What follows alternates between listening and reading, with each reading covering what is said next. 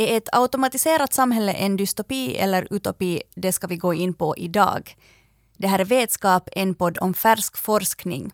Vetskap produceras av Svenska litteratursällskapet i Finland i samarbete med Hufvudstadsbladet. Jag som leder samtalet heter Hanna Nordensvan och är journalist.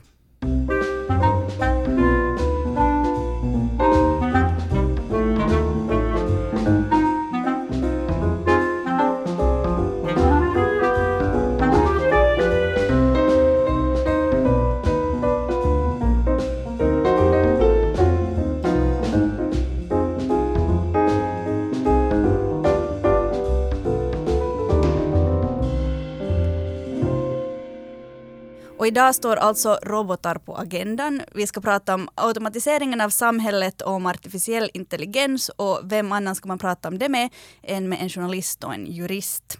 Så två forskare som alltså har fördjupat sig i just det här är Carl Gustav Lindén som är universitetslektor och forskare på Helsingfors universitet och Markus Norrgård som är professor och också forskare på Helsingfors universitet.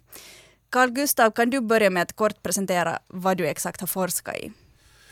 Eh, det som vi jobbar med så är system som genererar texter, alltså journalistiska texter. Eh, det vill säga det är mjukvara, mjukvara det kallas för Natural Language Generation, NLG-teknik, eh, som är, håller på att utvecklas och man får ganska imponerande resultat med den. Men det som är en av de här sakerna med, med det här, alltså de här systemen är att det är faktiskt människorna som skriver de här texterna fortfarande men att det är systemet som så att säga sammansätter sen sätter ihop fakta, data och, och, och de här texterna. Så det är ju inte några robotar där, det finns bara mjukvara i en dator. Och, och, det här var ett problem för mig för att, för att eh, jag har åkt runt mycket och pratat med journalister, varit journalister med våra projekt. Och de har en tendens att när man säger robotjournalistik så blir de väldigt skrämda och, tycker att det här är inget de vill höra om. Jag tänkte faktiskt just börja anklaga dig för att stjäla mitt jobb eller att utveckla någonting som stjäl mitt jobb. Ja, nej, men det, är väl, det här automatiska system för det här texter så fördelen med dem att man kan göra massiva mängder texter som, som man annars skulle sitta dagar med. Det, liksom det jag tycker att journalister har bättre saker att göra än att producera så här små notiser om, om vem som vann matchen igår eller vad vädret kommer att vara imorgon. kanske det, det kan man kanske ha olika åsikter om. Uh, Markus Norrgård, du är jurist. Ur vilken vinkel har du närmat dig det här med AI? Jag sysslar med immaterialrätt och uh, jag sysslar ganska mycket med patent och, och, och bland annat då 3D-printning och, och liknande teknologiska fenomen och vi har, vi har då försökt fundera att hur påverkar teknologin juridiken, hur påverkar juridiken teknologin och, och liknande frågor. Eh, sen har jag sysslat med upphovsrätt, att eh, i EU hade getts ett, ett eh, så kallat DSM-direktiv som kommer att reglera internet och, och hur det fungerar det kommer att ändra, ändra en hel del där så att, att kan jag säga, modern teknologi, särskilt då internet har varit eh, ett stort intresse för mig under, under lång tid. Vad står alltså DSM för? Digital Single Market, det är som inre uh, marknadsdirektiv. Mm. Uh, så att man har inom EU haft, haft den här tanken att man ska skapa en, en inre marknad för, för digitala produkter på samma sätt som man har för, för fysiska produkter.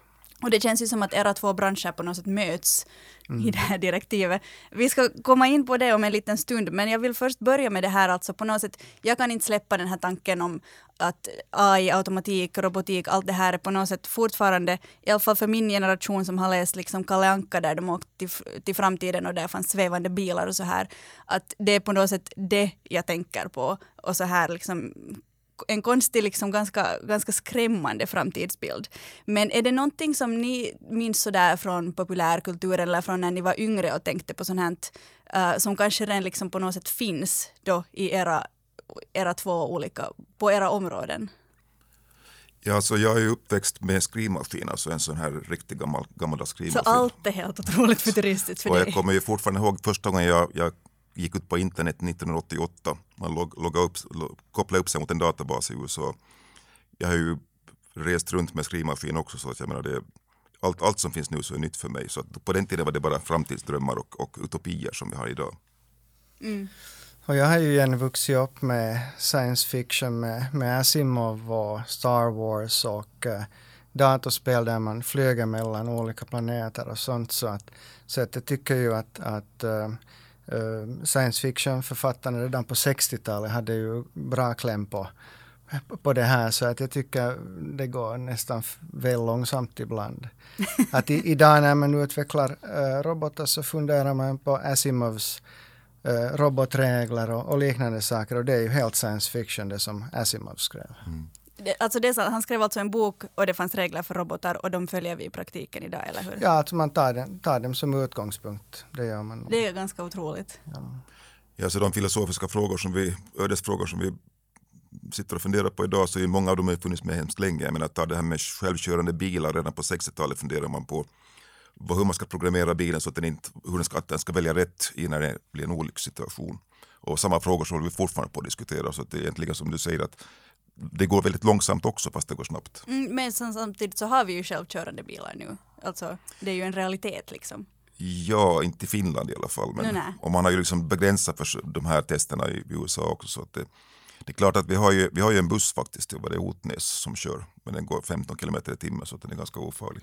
Än så länge i alla fall. Man, går, man promenerar fort, fortare. Men om vi går in på den här juridiska sidan lite grann. Markus, vad finns det för möjligheter inom juridiken med liksom så här artificiell intelligens till samhällets tjänst så att säga som, som dels redan finns i användning inom juridiken och sånt som, som är nära till hands? Det, det är en ganska stor fråga. Det är en ganska stor fråga. Ja. Här finns ju, finns ju många olika uh, aspekter. En är ju det att, att på vilket sätt hindrar juridiken från eh, i bruktagande av olika teknologier. Och där finns ju olika saker som till exempel ansvarsfrågor kan göra att företag inte är så, så tända på att, att testa nya teknologier för att de vet att de kan bli ansvariga. Det är då en sak. Sen en annan, annan fråga att kan man med juridiken främja användningen av, av nya teknologier och det kan man säkert. Jag har inget inget riktigt bra, bra exempel nu, men att, att, tanken är att, att om man skapar ett visst regelverk så att det är enkelt eh, för företag att etablera nya teknologier, så, så det är ju då, då en, en sak. Så, så det där är sådana två klassiska äh, saker som vi åtminstone brukar eh, fundera på. Och så där på en praktisk nivå för en jurist, finns det någonting som, som kommer att kunna eller som redan underlättar ert arbete? Ja, alltså många saker förstås i juridiken finns just till för att underlätta. Att om vi till exempel tänker på självkörande bilar eller, eller robotar eller någonting sånt, så det är ju, det är ju maskiner och, och de är ju aldrig självansvariga, utan, utan vi söker alltid reda på en, en, en, en, eh, en person, antingen då en, en fysisk person eller, eller ett företag som sen är ansvarig för den där verksamheten. Att ur juridikens synvinkel så kommer de jag, jag ska inte säga för alltid, men att det känns som att det nog eh, kommer att, att under mycket lång tid vara så att de är blott och enbart maskiner.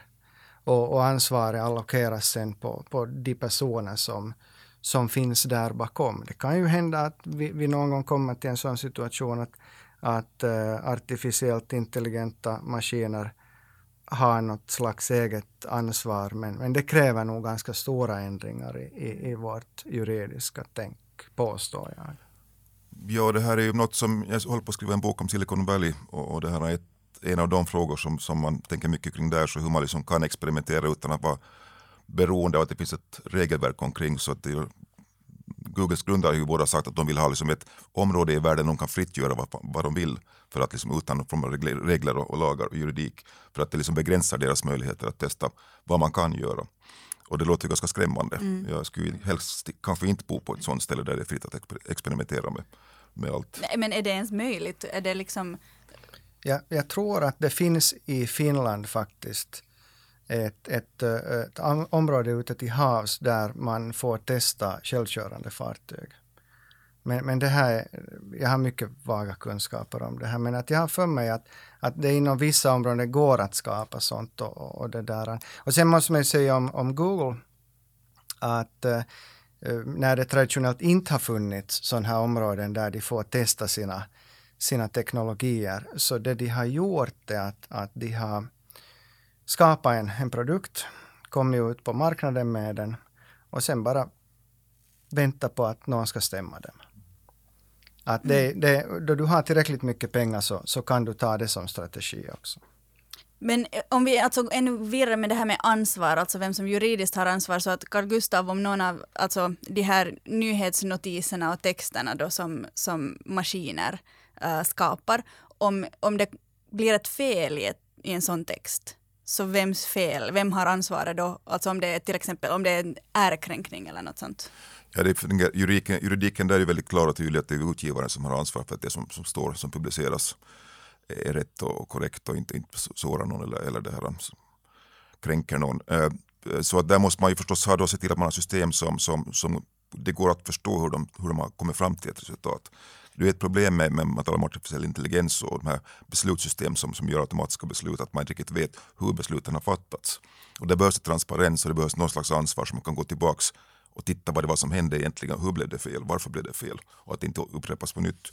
Så det gäller inte bara nyheter, det gäller liksom också andra, jag menar, alla myndigheter har ju sådana automatiska system som, som fattar beslut på våra vägnar. Mm. Eh, så den är transparensen där är oerhört viktig och ansvarsfrågan. Men skulle du säga att maskiner gör de mindre eller mera fel än människor? De kan ju inte göra fel, det är omöjligt. Det är den som är programmeraren som har gjort fel i sådana fall, eller så är det fel data. Men att maskiner i sig, systemet kan ju inte göra ett fel. Det är inte det här med att en mus kliver in i datorn och biter av någonting och sen händer något? Mm, då borde kanske någon människa stoppa den där musen. där kan ju komma den aspekten att har vi en, en robot som gör någonting fysiskt en, en, en eh, robot som doserar medicin som, som ju finns i dagens läge. Så där, där kan ju eh, också felen uppkomma i, på det sättet att, att, den, där, eh, att den, den, den försöker ta en, en, en kapsel eller ett piller men den misslyckas och så tror den att den har flyttat ett piller från en låda till en annan fast den inte har gjort det. Och då är det ju förstås ett tekniskt, tekniskt fel. Ja, jag tänker att båda, inom båda era ämnen så är det liksom så viktigt på något sätt med den där mänskliga faktorn eller liksom med så här empatiskt tänkande. Så jag, det förvirrar mig lite att, att man inom de här båda äh, områdena kan ta bort någonting så liksom essentiellt som den mänskliga faktorn.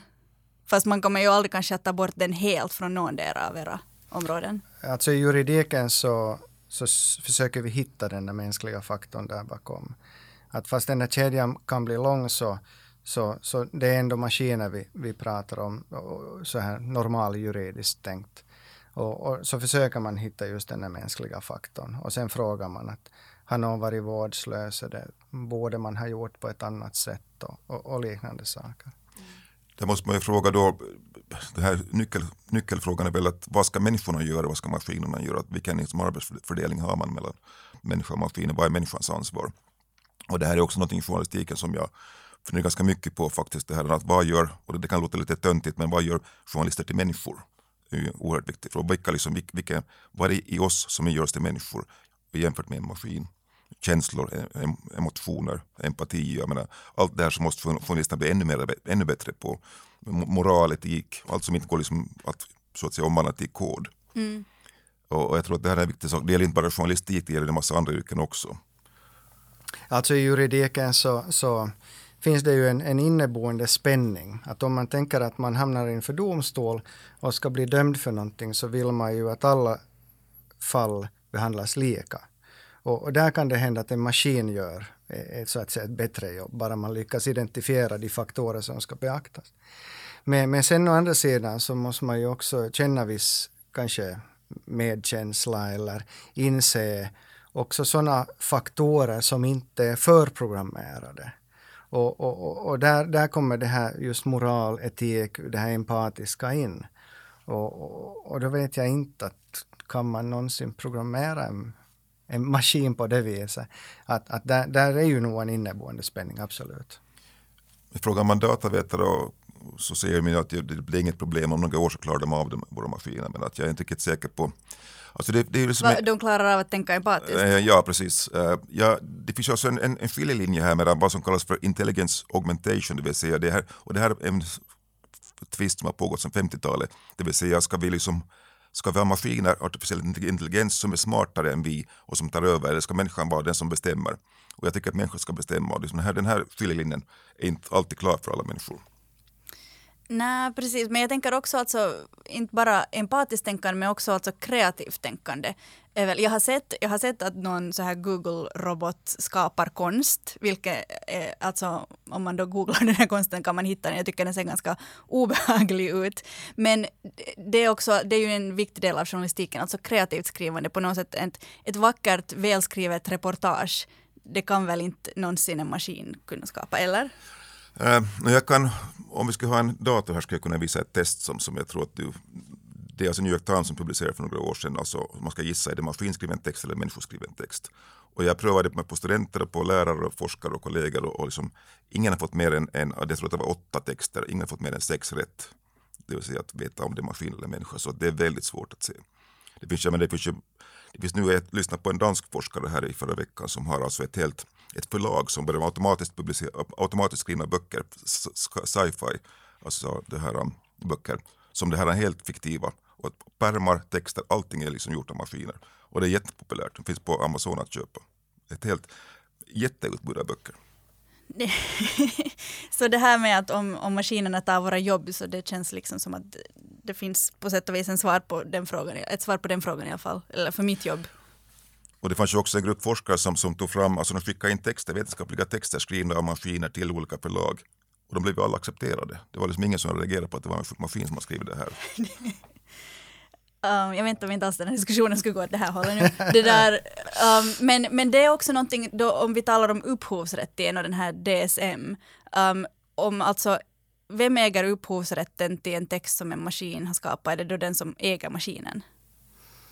Ja, alltså eh, det här kommer att vara en, vara en intressant uh, fråga. Jag tror att folk kommer att, uh, att ljuga delvis för att, att vår uh, upphovsrätt bygger helt klart på det att det är en människa som skapar och det är bara människor som kan skapa.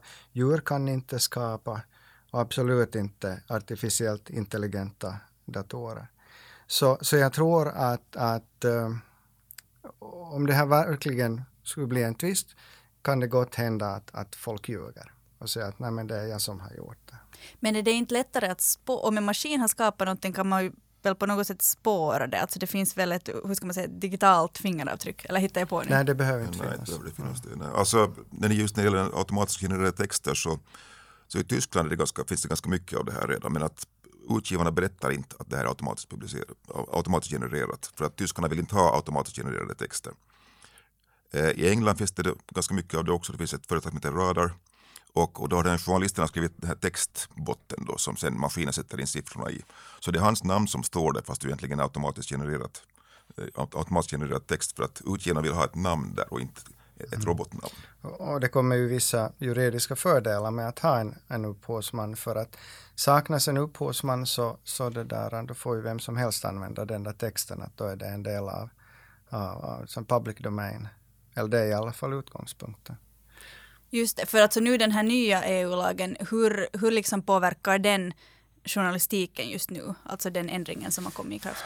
No, no, där är säkert flera, flera olika saker, men, men det som uh, specifikt gäller journalistiken är, är det där han uh, dels sån här data and text mining, att, att uh, om man ska ha artificiellt intelligenta system så de bygger vanligtvis på det att de behöver ett material att gå igenom för att lära sig att hur, hur ser en text ut. Och, och, det där, och, och då kan det åtminstone emellanåt vara texter som finns fritt på, på internet. Och nu i direktivet så, så får man så är det egentligen bara universitet som får göra det helt fritt. Att direkt om du är kommersiell aktör, till exempel robotjournalistföretag, så, så då är utgångspunkten den att, att du har inte fulla rättigheter. Och om du är då ett normalt, eh, en normal tidningsutgivare, till exempel Hesari eller, eller Guardian eller någonting sånt, så kan du opt-out. Du kan säga att man får inte gräva i de här texterna för att hitta mallar. Mm. Det är en sak. Och sen kommer utgivarna att få en sån här press publishers right.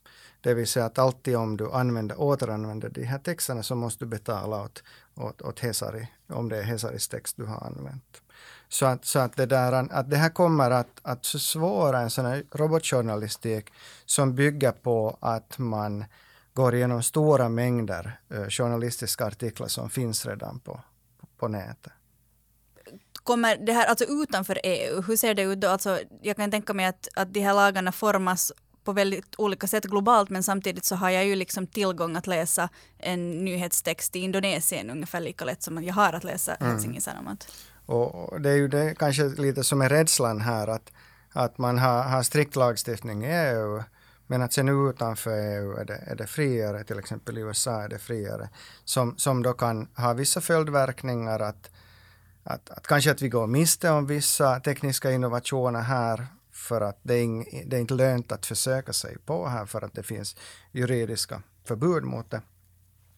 Sen det andra är att företag kanske hellre då etablerar sig i USA där det är lite friare och sånt. Att, att mycket av den här DSM-regleringen handlar om att så att säga sätta Google på plats, sätta Facebook på plats och sånt. Att de ska tvingas betala för musik och, och, och, filmer och sånt som, de, som användarna sätter upp på nätet.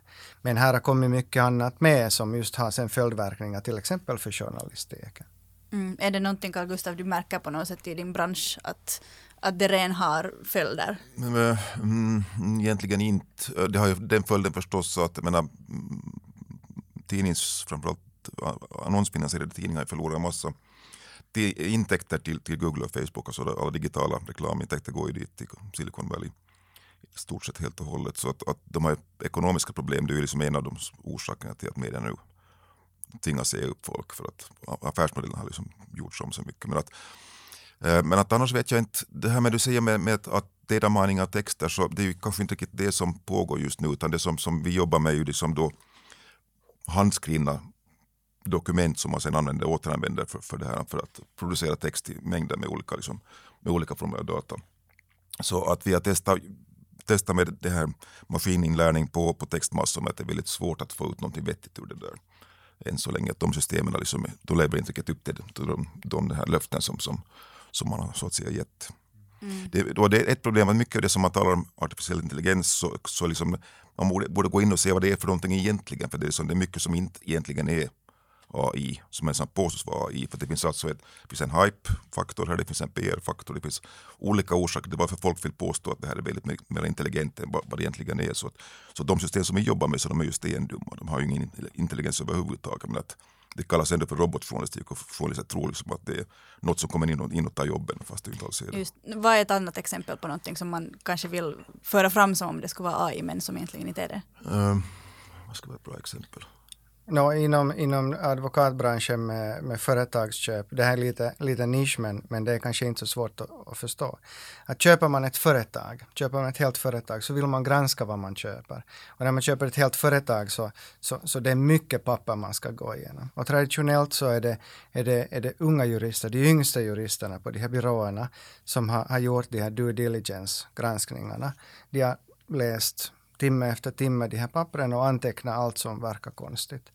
Och nu har det börjat komma artificiellt intelligenta system som kan eh, läsa de här dokumenten och, och lyfta upp potentiella problem.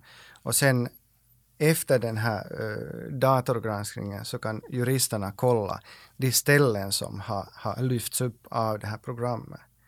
Att, att, att det, det är det där en en, en, det där, en sida där, där kanske juristens arbete minskar men det är kanske en välkommen minskning. Ja, sen finns det också med patent, man ska registrera patent eller varumärken så finns det ju företag som erbjuder automatisk analys av, av det som mm. existerar i världen. Absolut. Ett finskt företag bland som är ganska framgångsrikt på det här. Ja, och, och, och det är faktiskt det, det är jättespännande. För, för traditionellt har det här Eh, varit uh, eh, mera konst än vetenskap, att hur du hittar alla relevanta patent som finns från tidigare. Att med, med goda datasystem så, så får du antagligen ett, ett säkrare och bättre resultat. Men om jag har förstått det rätt så tekniken är inte riktigt där ännu att man skulle helt våga lita på att den, den lyfter upp alla relevanta patent. Men det där är väl någonting som jag kan tänka mig att liksom både jurister och journalister, om man tänker på den um, stereotypa bilden jag tänker i filmer när man ser jurister och journalister som ska försöka lösa något case båda uh, och hela natten går de igenom papper efter papper och dricker kaffe och, och liksom svettas och tills det kommer det här heureka-stunden att de hittar då någon klausul eller något case eller någonting. Så det är väl ändå någonting som kommer att, eller som ren säkert underlättas helt massor av sådana här liksom automatiserade genomsökningsprogram. Alltså problemet här är att du måste ju ha data som, som maskinen förstår sig på. Men när vi tänker journalistik, så om du kommer ihåg Panama Papers, så det var när man avslöjade då den här, en juristbyrå som hade, hade då med kontakter, kontakter till massa ekonomiska brottslingar i hela världen. Så där, eh, en av de journalister som jobbar med det projektet, det var ganska många, säkert ett 50-tal, så hon beskrev det här datan där som att gå in i ett stort lager som är helt fyllt med papper. För det är liksom ingen möjlighet att kolla, liksom, det är ingen struktur överhuvudtaget och en maskin förstår sig inte på det där. Så att just Panama Papers, det var handarbete hela vägen, det fanns inga maskiner med.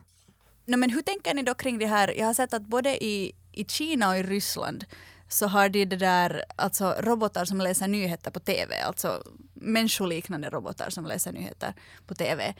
Är det här någonting som, kommer vi att få det i Finland och, och är det liksom bra eller dåligt?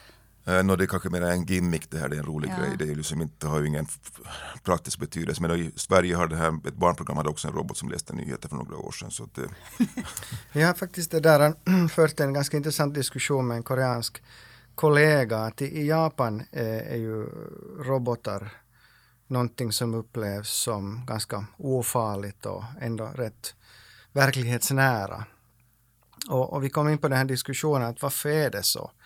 Och en möjlig tolkning är att för att de har shintoism i Japan, alltså att du har gudar närvarande överallt. Alltså kan, kan det finnas liv också i en maskin. Och, och det där, och vi har ju lite kanske mer antropocentrisk, människocentrerad syn, så att en maskin är en maskin fast den skulle vara människolik. Och jag vet inte om den här analysen stämmer, men det, i så fall skulle den vara ganska fascinerande att, att, att man har ju inom vården i Japan till exempel robotar som man också har prövat i Finland och, och sånt. Jag vet inte vilka resultaten i Finland har varit, men, men att det där, i, åtminstone i Japan förefaller man att ta dem rätt väl emot. Ja, och det tyder väl ännu mer på att sen, alltså, när det här utvecklas ytterligare, att om man på någon sorts global nivå behöver mera lagar och regler, att det att människor tolkar det här och känner så olika inför en viss typs teknologi kommer säkert att göra det ännu svårare. Men jag minns också, alltså, har man inte testat här i Finland, alltså sådana här robot, är det selar? Sel, Ja, sådana här gulliga som för äldre. Att, men det, ja, jag vet inte, det är ju inte direkt vad man tänker på när man tänker på en robot, det är ju inte en sel men det är sant att acceptansen för robotar är ju en helt annan i Sydkorea och Kina och Japan än i Europa. Eh, man har ju hotell med robotar som, som tar emot receptioner exempelvis, som är väldigt populära. Eh, och sen finns det liksom andra orsaker. Jag vet med Korea, så när vi talar om det här då, automatiskt skrivna texter, så, så, så läste en artikel där, där liksom då koreanerna tycker att det här skulle vara mycket bättre än att ha journalister som skriver. För, för liksom, så det här, Korea är så korrupt och journalistiken är så korrumperad. Så att de tror, har ingen, journalisterna har ingen, inget förtroende bland, bland allmänheten. Och inte ens journalisterna själva vill ha journalister som skriver texter. De tycker att automatskrivna texter skulle vara bättre. Det är det här alltså en artikel som, som finns. Det är intressant det där. Det känns ju då att på något sätt liksom, alltså om, om vi gör det här rätt kollektivt som mänskligheten så finns det ju alltså otroliga positiva möjligheter. Det är inte alls det här dystra dystopin där robotar um, övervinner oss på något sätt. Precis. Nej, jag tror inte alls på den här dystopin. Inte, inte överhuvudtaget. Att un- under mycket lång framtid tror jag att, att eh, robotar och AI och, och alla möjliga maskiner kommer att vara ett mycket bra hjälpmedel, en, en god dräng. Och jag, jag, jag har svårt att se att robotarna tar våra jobb. Vissa jobb, ja, men i många fall så blir det mer som ett, ett hjälpmedel, som en dator eller som en mobiltelefon eller någonting. Mm. Men det som är ju skrämmande i det här, man ser ju hur um, artificiell intelligens har använts för övervakning i Kina. Med då du har så ansiktsigenkänning. Så att, att med systemen alltså, känner igen vem som rör sig, vem som kastar papper på gatan och får böter direkt på mobiltelefonen, eller går mot rött ljus. Det var ett ganska intressant fall här tidigare i år. Eh, en av Kinas mest kända affärskvinnor fick böter för att hon hade gått mot rött ljus. Och ingen förstod varför tills det fram, framgick att hon, hennes ansikte var, fanns på en bild på en lastbil på sidan, på hennes företags lastbilssida. Så att Kameran kände igen ansiktet som var på lastbilen när den körde förbi och trodde att hon hade gått mot rött ljus. ljus. Så hon fick också böter för det där. Carl Gustav, alltså i, i ert det här forskningsprojekt och den, den uh, uh, data, vad ska man säga, inte robotjournalistiken som ni sysslar med, automatiserade journalistiken. Om ni alltså inte använder er av det här som kallas för data mining, um, så vad är det ni då använder er av? Ja, alltså du har ju ett, ett templat, en text som är skriven av en människa alltså för att, för att, att, eh, för att det ska se, liksom, ska se ut som journalistik, ska bli så bra som möjligt. För att maskiner klarar inte av att skriva texter som är, som är lätta att läsa. Eh, och därför behövs alltså att man gör skriver för, för hand och en journalist skriver för hand det här texttemplatet och sen sätter maskinen in data i det här då, där, där tom, tomrummen finns, där det behövs data. Så att det, det är liksom inte intelligent på något sätt utan det är, det är, mycket, det är mycket dumt. Medan om man skulle använda sig av data mining, så då, hur skulle det då se ut? Ja, då har du enorma mängder av texter, du har liksom hundratusentals, kanske miljoner texter som maskinen, maskinen går igenom och försöker hitta mönster i. Och sen kommer man underfund med vad är det för en text, vad är det som definierar sig är en sporttext, varför är en sporttext som skiljer sig från en, en text om brott eller någonting om politik. Eh, men att, att jag har inte sett exempel på att det här ska fungera på riktigt någonstans. Jag var, I fjol somras blev jag jätteglad när ett, Berlins, ett Berlinföretag, Retresco, det här meddelade att de hade skapat 8000 templat för det här för texter om Bundesliga, tyska fotbollsligan. Och så jag tog kontakt med dem och frågade hur har ni gjort det här? Och de sa mm, det är allt skrivet för hand. Så att jag, där liksom tog min entusiasm slut. Jaha. Men hör det här också sen då ihop med, alltså i mitt sociala medieflöde ser ju ut på ett visst sätt för att Facebook och Google och, och maskinerna lär sig vad jag tycker om. Um, används, kom, eller kommer data mining i journalistiken också användas på något sätt att alltså skräddarsy texter för mig? Det används ju redan nu. Jag menar som Yle har ju den här nyhetsvakten som, som du kan ställa in vad du vill ha för någonting mer och mindre av. Så att den typen av liksom prediktiva system så finns ju ganska allmänt i användning medier och, och, inte bara Facebook och Google, också vanliga traditionella medier. Och, och tanken är väl delvis att, att lokalisera de här nyheterna när du har en sån där template dit det fylls i, så kan de kan vara som lokala fakta. Ja, alltså journalistiken, alltså hur man serveras nyheter blir mer kontextuellt, alltså det är mera tid, vilken tid på dygnet det är, den plats du befinner dig på, vilken aktivitet du sysslar med just då. Så det, du kan liksom få den typ av nyheter som passar in i det du gör just vid det tillfället, så att den här lo lokala lokaliteten blir liksom möjlig tack vare mobiltelefonen. För vi, vi konsumerar ju nyheter på mobiltelefoner, vi, har liksom inte, vi sitter ju inte vid datorn och läser nyheter. Mm. Är det här någonting då så, alltså om en, en nyhetstext eller någonting sånt här har skapats av en maskin, Markus, ser du då att borde det då finnas en sån här disclaimer där? Är det viktigt för, för läsaren eller lyssnaren att veta om det? Eller jag tänker sådär ur en juridisk synvinkel, är det, spelar det någon roll? Alltså klart läsaren kan ju tänkas vara intresserade av det. Att dels har vi vissa brandade journalister. Att, att antingen är de kända för att de är objektiva eller duktiga eller, eller absolut inte objektiva eller att de har någon synvinkel. Så, så uh, på det viset kan det ju hända att det, men det är ju inte, eh, det är inte direkt en juridisk fråga då. Men, men att där kommer den här med, med upphovsrätten sen förstås att, att om den är maskinskriven eller maskinskapad så, så, det där, så då, då saknas ju den här upphovsrätten. Och, och, eh, därför tror jag att det här är mer ett teoretiskt problem. För man kommer nog att påstå att den är skriven av en människa.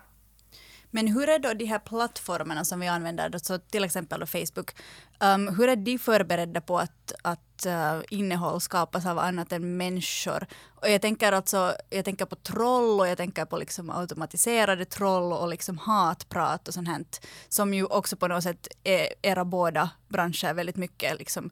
Hur, hur, är, hur är Facebook och Google förberedda på att sånt här breder ut sig? Ja, de har ju system för att identifiera texter som genereras av, av det här som inte är människor. Så att jag menar Twitter framförallt så har ju plockat bort mycket automatbottar som, som bara liksom är där för, liksom för att störa, störa andra i princip. Eh, så att den här typen av, av fejkkonto så har liksom, han jobbat jättehårt med för att de vill ju både Facebook och Twitter alla är ju intresserade av att det ska vara genuint och att det ska skapa av människor, det ska liksom skapa engagemang. Mm. Och, och, och, Google har redan gällande upphovsrättsligt material sådana content ID filtreringssystem att laddar du upp någonting som är skyddat och, och, och så där det inte finns en licens så, så plockas det bort. Och i och med det här DSM-direktivet så kommer det att, att, att bli tvång på det, att alla måste filtrera bort om man inte har licens. Och när man väl har den där teknologin så antar jag att det är ganska enkelt att, att uh, modifiera den här teknologin så att den tar bort också annat. Det kan kanske vara då hatprat. Jag, jag vet inte exakt hur den då känner igen sånt.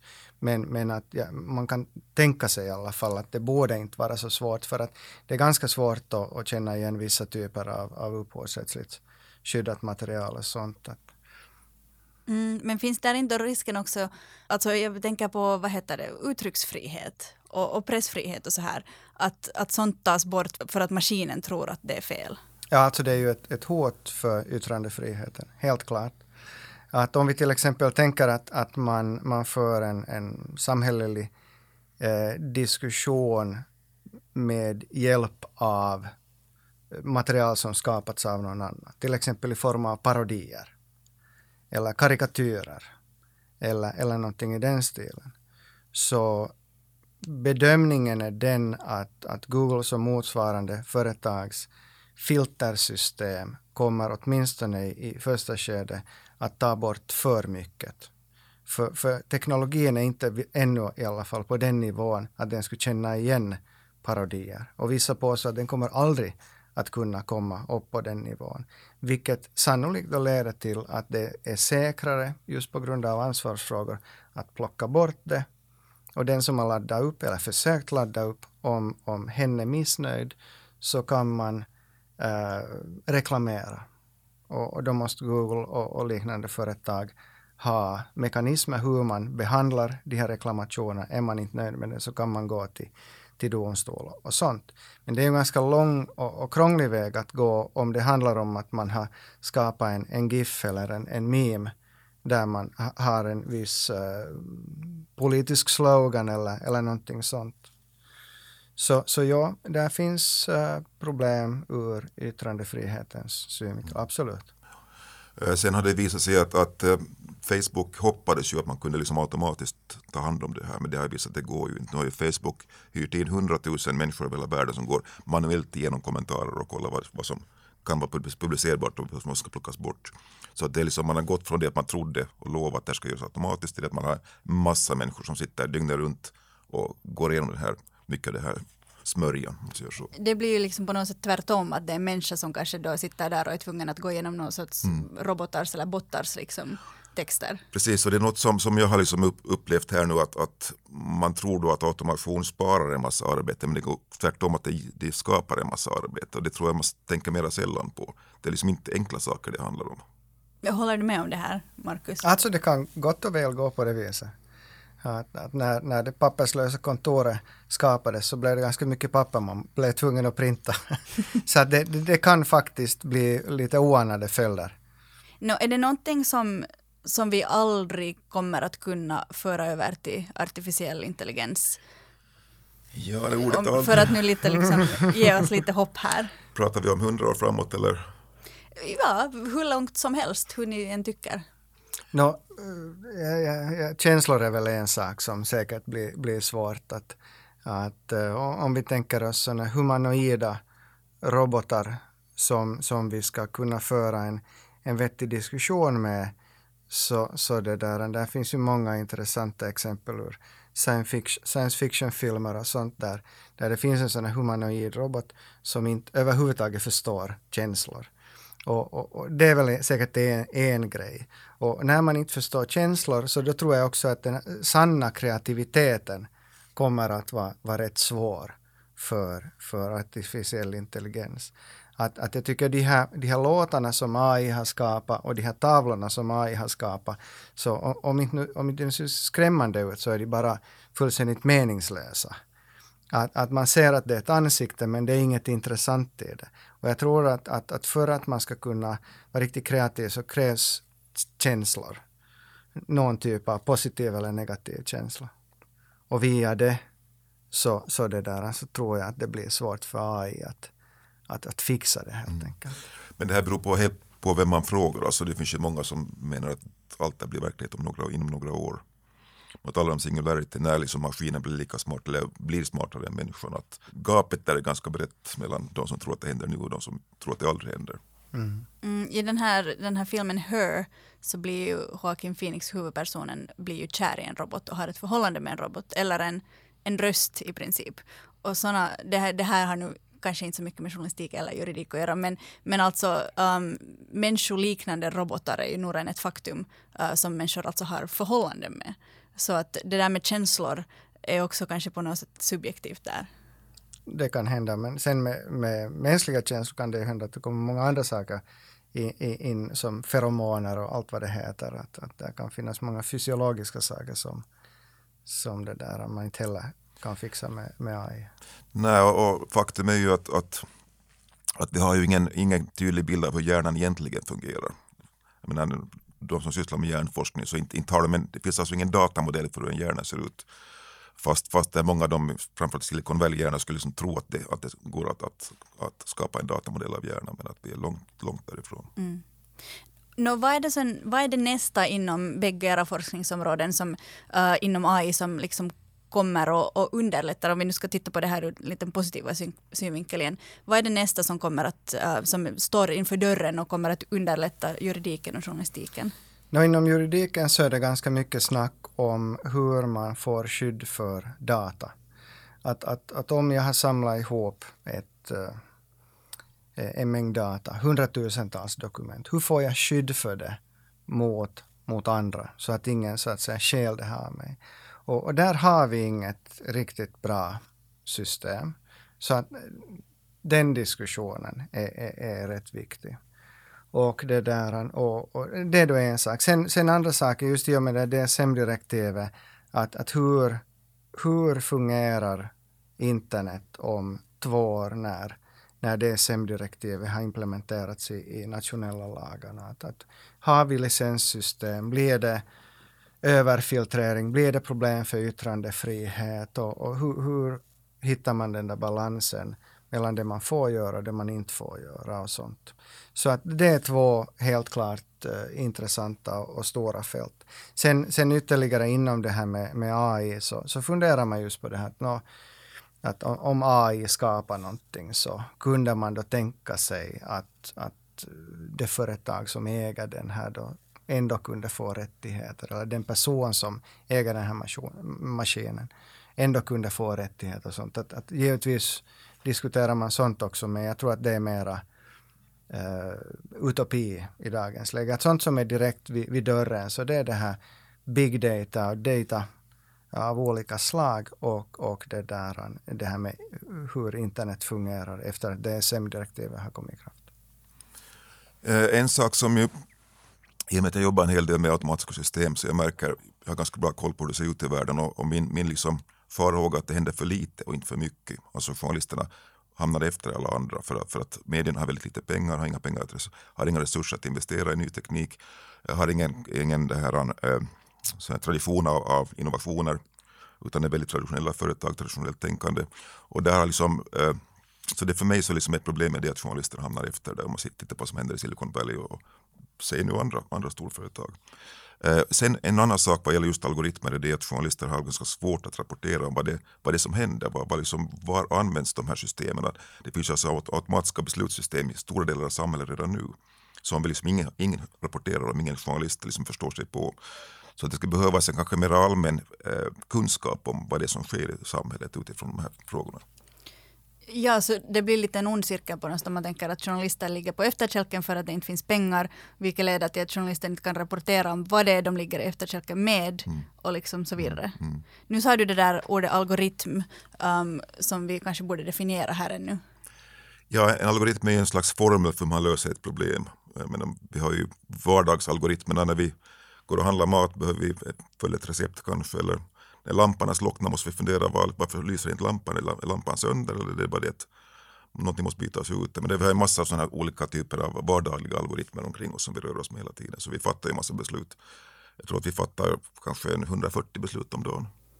Och, så, och när det då finns en algoritm i en maskin så den fattar ett beslut om vad vi ska se. Exempelvis vad vi ska se eller vem som ska få, få banklån eller vem som ska få det här bostadsbidrag. Eller, det kan vara olika typer av beslut. Mm. Men den fattar det beslutet på basis av vad någon har sagt åt den att göra, eller hur? Precis, och den data den har fått. Precis. Och det är det här som då alltså bestämmer vad jag till exempel ser för nyheter i min mm. newsfeed. Uh, om du har på Facebook, ja. Eller om du kanske använder Yles, den här nyhetsappen. Har ni någon så här favoritrobot från populärkulturen? Från någon ni minns från när ni var liten? Min, min favoritrobot är den här manodepressiva Marvin från Hitchhiker's Guide to the Galaxy. Jag har ju läst Hitchhiker's Guide to the Galaxy men att jag har inte uh, noterat den om vi, om vi håller oss till Hitchhiker's Guide to the Galaxy så är det väl kanske Babelfisken som man sätter i örat så att man förstår alla språk i universum. Men det var väl kanske inte en robot det. Nej men det skulle vara en, en väldigt bra robot om den absolut, skulle finnas. Absolut. Uh, men, men om jag ska välja en robot så för mig är väl valet då mellan C3PO eller R2D2. Det är väl sådana två klassiker. Och, och, och, och, då är väl C3PO lite för mesig så jag väljer väl R2D2 då. Det här är Star, är, Wars, Star Wars alltså. Precis, som är, som är det där han tekniskt kunnig och, och fixar Luke Skywalkers skepp när, när det blir beskjutet. Jag har väl aldrig haft någon personlig relation till robotar så jag har lite svårt att säga men jag tycker att Wally, den här snälla Hollywood roboten, den här tecknade filmen var väldigt, animerade filmen var väldigt, väldigt trevlig mm. och hygglig på alla sätt. Så det är väl en, en som man skulle vilja se som inte framstår som speciellt farlig. I varje avsnitt av den här podden så får en forskare från ett annat avsnitt ställa en fråga till de forskarna som är här nu. Och då får vi en fråga från språkvetaren Nina Martola som har fått ställa en fråga uh, åt er om artificiell intelligens. Jag funderar på hur man ställer sig som, som forskare i artificiell intelligens. Det talas ju väldigt mycket om det nu och folk befarar att, att den ska liksom ta över världen och, och vår värld ska bli väldigt eh, teknokratisk. Funderar man på det här också som forskare i det? Har man samma oro som, som eh, oss vanliga människor så att säga? Det här är väl någonting vi kanske inte har svarat på. Att är, är, är forskarnas jobb också i riskzonen här? No, som jurist förstås så har jag ju mitt, mitt lilla fält jag funderar på och där har vi ju kanske inte, inte funderat på de här riktigt stora frågorna. Så att det där, um, men jag, jag, jag är själv inte personligen orolig men det här är inte en vetenskaplig syn utan en helt personlig uppfattning. Eh, det som jag, jag är orolig vad gäller journalisterna för att, att och min oro gäller den att man ställer sig på sidan om och inte är med och utvecklar de här systemen. För att journalisterna då förlorar möjligheten att vara med och påverka de här systemen i den riktning de själva skulle vilja ha dem. Alltså. Och vi vill ju ha liksom moraliskt, etiskt och socialt hållbara system som fattar beslut för vår räkning. Så att om journalisterna är inte med där så, så får vi ett problem tror jag. Om det bara, jag säger inte bara datavetare och programmerare men jag säger att om det är enbart den yrkesgruppen som är med och gör det här så då får vi problem. Så att, att eh, humanister borde absolut engagera sig mycket, mycket mer.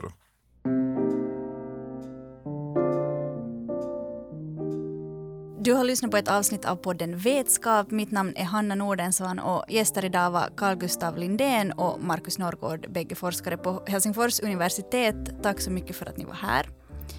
Producent för den här podden är Nina Edgren Henriksson och ansvarig redaktör Marika McLean. Poddavsnittet spelades in i Eva Lingon ABs studio i Helsingfors och ljudtekniker var Tage Rönnqvist. Vetskap produceras av Svenska litteratursällskapet som är en av de stora forskningsfinansiärerna inom humaniora och samhällsvetenskaper i Finland och av Huvudstadsbladet som är Finlands största dagstidning på svenska. Tack för din uppmärksamhet.